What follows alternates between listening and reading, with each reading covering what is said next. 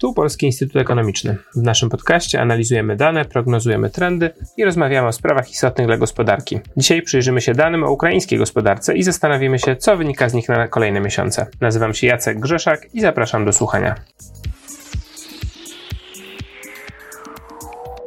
A ze mną jest dzisiaj Sergiej Druczyn, analityk zespołu makroekonomii. Dzień dobry. Dzień dobry. To pytanie na wstępie, co w ogóle wiemy o aktualnym stanie ukraińskiej gospodarki po pół roku trwania wojny? Wiemy na pewno, że ukraińska gospodarka nie jest w najlepszej kondycji. Niestety z takich twardych danych znamy prognozy Narodowego Banku Ukrainy na przykład, który wskazuje między innymi, że łącznie tym roku upadek PKB wyniesie 35%. Niektórzy analitycy prognozują jeszcze bardziej pesymistycznie, upadek aż do 50% PKB. Z rzeczy ciekawych też warto powiedzieć, że stopa bezrobocia będzie w tym roku najwyższa od momentu uzyskania niepodległości przez Ukrainę.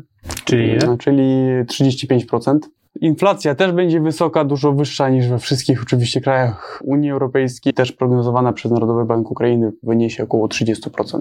No dobrze, to spójrzmy tak e, po kolei na te liczby i co z nich wynika i w jaki sposób są obliczane. No bo na początku to PKB. Na ile jesteśmy w stanie szacować w tak dynamicznie zmieniającej się sytuacji wielkość tych strat gospodarczych, no bo tak naprawdę tak tutaj trudno mówić, jak normalnie mówimy o wzroście PKB, tutaj po prostu mówimy o, o stratach i o wypadaniu sporych części no, terenów albo właśnie sektorów gospodarczych. E, na jakiej podstawie są tego rodzaju szacunki budowane? Tu warto też podkreślić, że PKB to nie jest jak bogactwo, tak, tylko to jest strumień, czyli to, to jest inny, innymi słowy to jest dochód. Więc licząc na przykład straty ogólnie, taki szacunek jeszcze w kwietniu tego roku podał Ukrainy, szacując, że łączne straty dla Ukrainy w, będą wynosić około jednego biliona dolarów. W porównaniu z w porównaniu PKB do PKB rocznym? to jest, to, to jest ośmiokrotność ukraińskiego PKB. Czyli odpowiadając na pytanie, jak jest mierzone? No oczywiście w sytuacji takiej, jakiej jesteśmy, głównie zakładamy i szacujemy. E, założenia ukraińskiego e, odpowiednika e, Głównego Urzędu Statystycznego są takie, że no, zbierają dane tam, gdzie mogą na razie je zbierać. Więc podejrzewam, niestety nie ma takiej, nie było takiego komunikatu ani w Głównym Urzędzie Statystycznym, ani w, na stronie Ministerstwa Finansów Ukrainy. Zakładam, że mm, liczy się, oblicza się straty na wszystkich na, teren, na terenie wszystkich obwodu, obwodów, które są pod kontrolą władz, władz ukraińskich. No właśnie, a jak traktowane są terytoria okupowane? Terytoria okupowane traktowane są, są oczywiście jako ukraińskie, no ale ze względów e, oczywistych zbieranie danych na, na, na tamtych terytoriach jest, nie, nie jest po prostu możliwe. Z, z tego względu niektóre terytoria, takie jak Krym na przykład, były też wyłączone, tak?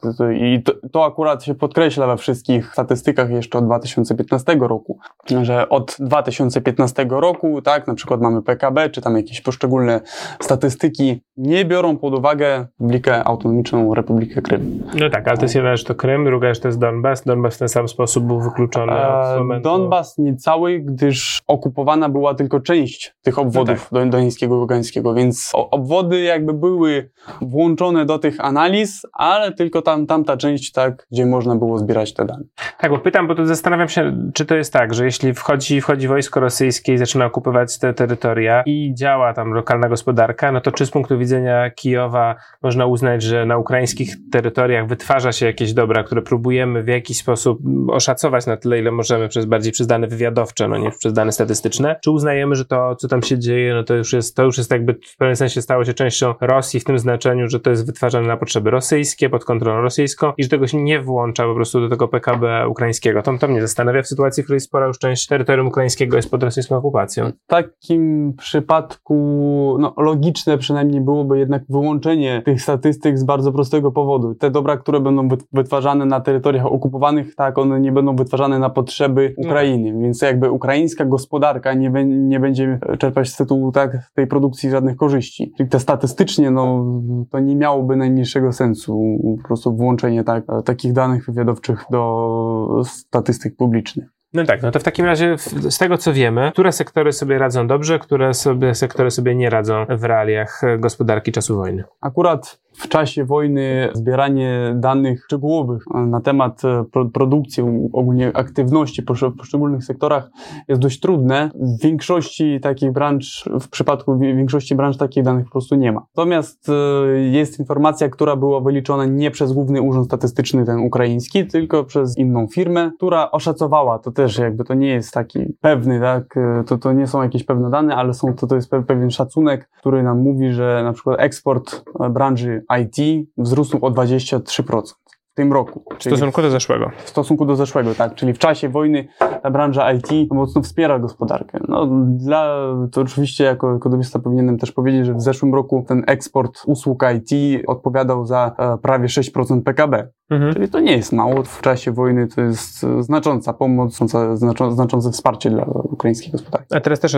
zacząłem się zastanawiać, czy jeśli myślimy o ekspercie usług IT, to myślimy o, o podmiotach, które funkcjonują na terytorium Ukrainy w tym momencie, czy są, czy są, mamy do czynienia na przykład z firmami, których pracownicy uciekli wraz z działaniami wojennymi na terytorium innych krajów, ale dalej w ramach tych firm robią dla tych samych e, zleceniodawców, więc w pewien sposób ciągłość działania firmy, jak myślimy o właśnie gospodarce cyfrowej, o firmach działających w zasadzie całkowicie w chmurze i kontaktujących się internetowo e, z klientami, to czy jest możliwe to, że jest firma, która na przykład, której pracownicy siedzą w Polsce albo, albo na Litwie, ale jednocześnie wytwarzają ukraińskie PKB stamtąd? No, z punktu widzenia liczenia e, PKB nie ma na dobrą sprawę znaczenia, tak, gdzie siedzi ten pracownik, bo on tak, on wytwarza mm, wartość dodaną, dodaną dla tej firmy, która dalej tak korzystana w tej firmie.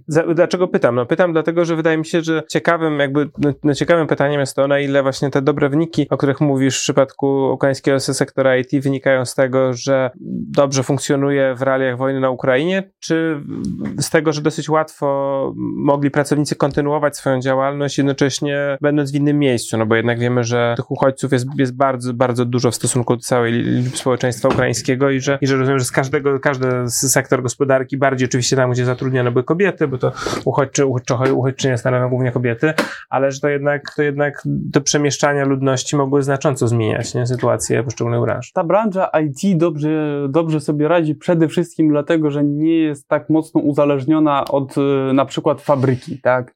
Czyli nawet jeżeli to będzie osoba, która nie wyjedzie za granicę, ale oczywiście nie daj, nie daj Boże, ale tam był jakiś pracownik IT w Mariupolu, tak, no, pracował tam i tak dalej, więc on może, bierze ze sobą laptop, tak, przemieszcza się na zachodnią część Ukrainy i kontynuuje mhm. swoją pracę, tak, czyli, czyli z punktu widzenia jakby ciągłości pracy ewentualnie będzie potrzebował tam jeden dzień, żeby się przemieścić, ale to oczywiście z punktu widzenia ty, ty, tych tematów, o których rozmawiamy, to nie ma najmniejszego znaczenia. No dobra, to, to mówisz o, o branży IT jako, jako tej, która może w zaskakujący sposób szacowany jest, że wzrósł jej udział w gospodarce.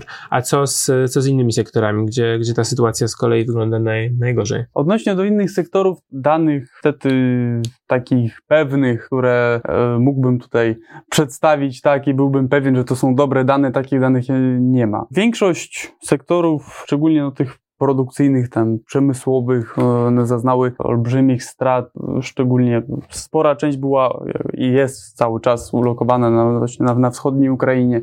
Te, które się znajdują również na, w centralnej i zachodniej części biały ze względu na, na brak ciągłości dostaw benzyny, czyli tych czynników najważniejszych, które podtrzymują ten, tak, tą produkcję. No właśnie, bo tak e, też o tym myślę, lista problemów związanych z wojną. Pierwsze, co myślimy, to są jakieś bezpośrednie zniszczenia, zagrożenia działaniami wojennymi, to jest jedna rzecz. Druga rzecz to mówisz brak surowców, tak, szczególnie surowców energetycznych, o których Ukraina jest w dużej mierze e, odcięta no, w stopniu większym niż, niż państwa europejskie na pewno. Trzecia rzecz, no to rozumiem, jest problem z eksportem. No i tutaj to na czołówkach gazet był przez ostatnie miesiące temat zboża ukraińskiego i na ten temat już sporo także w tym podcaście rozmawialiśmy. No ale poza tym zbożem jest też masa innych towarów, które były tą drogą morską, opuszczały ukraińskie porty. Jak rozumiem, jedna rzecz to jest ta produkcja chociażby metalurgiczna z terenu wschodniej Ukrainy, która jest w części na terenach okupowanych, w części jest zniszczona, ale tak jak rozumiem więcej, jest też masa zakładów przemysłowych dużych, które też pewnie eksportowały z, z portów czarnomorskich i są od tego odcięte. Nie wiem, czy jeszcze jakieś by wymienił, nie wiem, problemy, czy takie blokady bezpośrednio związane z tą wojną, które uniemożliwiają działanie gospodarce? Blokada jest, czy to, nie, nie wiem, czy to można nazwać blokadą, ale pewne, w pewnym stopniu utrudnienie przepustowości punktów granicznych, tak? mhm. tak? Na, na przykład ze względu na brak możliwości możliwości eksportu drogą morską, tak, niektóre firmy się decydują na eksport drogą kolejową, tak, albo eksport drogą lądową, co wpływa tak? Na większy ruch na, na tych punktach granicznych. I w związku z tym oczywiście to jest olbrzymie kolejki, tak? Czasami ludzie stoją na granicy dwie, trzy, cztery doby, czasami tydzień mogą stać na, na, na granicy. To, to, to, są przypadki, które ja nawet znam, mhm. znam osobiście, tak bym powiedział. No tak. Chciałem się teraz zapytać, można powiedzieć, w drugiej części naszej rozmowy. Pytałem cię o, o tą gospodarkę realną, yy, a chciałem cię zapytać też o sytuację walutową i to w jaki sposób, bo tutaj było też dużo obaw na początku w ogóle działań wojennych o tą ciągłość funkcjonowania państwa i tą ciągłość funkcjonowania e, finansowego i obrotu, obrotu hrywną. Mamy taką sytuację, że, że hrywna funkcjonuje w obrocie. Była bardzo dramatyczna sytuacja w tych pierwszych tygodniach. To, to też pamiętam, jak chodzi o wymienialność chociażby hrywny i to, że jej wartość dramatycznie spadła w pierwszych, w pierwszych tygodniach wojny, ale to się, to się zatrzymało. Państwo funkcjonuje. Co więcej, e, z doniesień wywiadowczych, które mamy z terenów okupowanych, wynika, że mimo dosyć usilnych prób wprowadzania rubla rosyjskiego, mimo to e, spora część mieszkańców, spora część biznesu posługuje się tą hrywną i nadal, e, nadal uważa za, za, za, za wiarygodną walutę i, e, i nadającą się do obrotu. W jaki sposób udaje się utrzymać w realiach wojennych płynność obrotu gotówki? A bank centralny razem z Ministerstwem Finansów no, no, no to bardzo szybko zareagowały jeszcze w pierwsze dni wojny poprzez ograniczenie no, przede wszystkim odpływu gotówki z zagranicy, tak? Czyli zresztą to rozporządzenie działa do e, dnia dzisiejszego i czyli jest pewne ograniczenie takie, ja na przykład, na przykład mając jakąś ukraińską kartę emitowaną, wyemitowaną w ukraińskim banku, to ja nie mogę wypłacić więcej niż tam na przykład. Jest ograniczenie chyba 100 tysięcy na jeden miesiąc. Nie, nie pamiętam teraz mhm. dokładnej, li, no tak. do, dokładnej wartości, ale jest pewne ograniczenie takie więcej niż tą wartość ja nie mogę, tak, czyli wypłacić tu w Polsce mhm. z tej karty wyemitowanej na Ukrainie. To jest ta pierwsza kwestia odnośnie do płynności. No, Ukraina e, wypracowała dość dużą re rezerwę walutową tego 2015 roku do 2021 roku. W 2021, czyli w zeszłym roku, akurat na, na, na, na końcu, czyli to był grudzień, styczeń, to był, był szczyt jakby tego, tych po, poziomów rezerwy Narodowego Banku Ukrainy. Wynosił wtedy 29 miliardów, a dzisiaj już wynosi 22,4 miliardy dolarów. Hmm. Czyli utrzymywanie kursu walutowego wymaga, e, wymaga, ciągłych, wymaga ciągłych e, interwencji walutowych. To oczywiście kosztuje. Narodowy Bank Ukrainy usztywnił kurs, wartość e, ukraińskich hrywni wobec dolara amerykańskiego. Najpierw na poziomie 25 hrywni za jednego dolara, jeśli się nie mylę, teraz na poziomie chyba 36. Czyli tak musiał już trochę, trochę mhm. odpuścić, bo jak, jak już powiedziałem, te wszystkie interwencje walutowe to utrzymywanie kursu to jest bardzo kosztowne. Jest, tak i i gdyby na przykład taka sytuacja, no, gdyby ta wojna trwała jeszcze przez y, y, jakiś czas, czyli dłużej, na mhm. przykład nie dłużej niż rok, mhm. no to podejrzewam, zakładam, zakładam, mhm. że ukraińska gospodarka, szczególnie tutaj, jeśli mówimy o kursie walutowym, to może być z tym problem. Może być problem w tym znaczeniu, że ten kurs y, jednak nie będzie nie do obrony, w tym sensie, że tak. zabraknie po prostu tak. rezerw że walutowych. Zabraknie rezerw walutowych i trzeba będzie go odpuścić. To jeszcze dopytam tylko o jedną rzecz, czyli o tą pomoc zagraniczną, jak ona dużą gra rolę zarówno dla stabilności właśnie walutowej, jak i stabilności w ogóle funkcjonowania państwa, bo już wiemy o tym, że poza tym, że Ukraina dostaje taką pomoc stricte wojskową, o czym jest też można jakby więcej znaleźć e, informacji, no ale też drugim, drugą formą pomocy jest pomoc e, w utrzymaniu państwa, czyli w wydatkach budżetowych, no, przy znacząco uszczuplonej e, bazie podatkowej.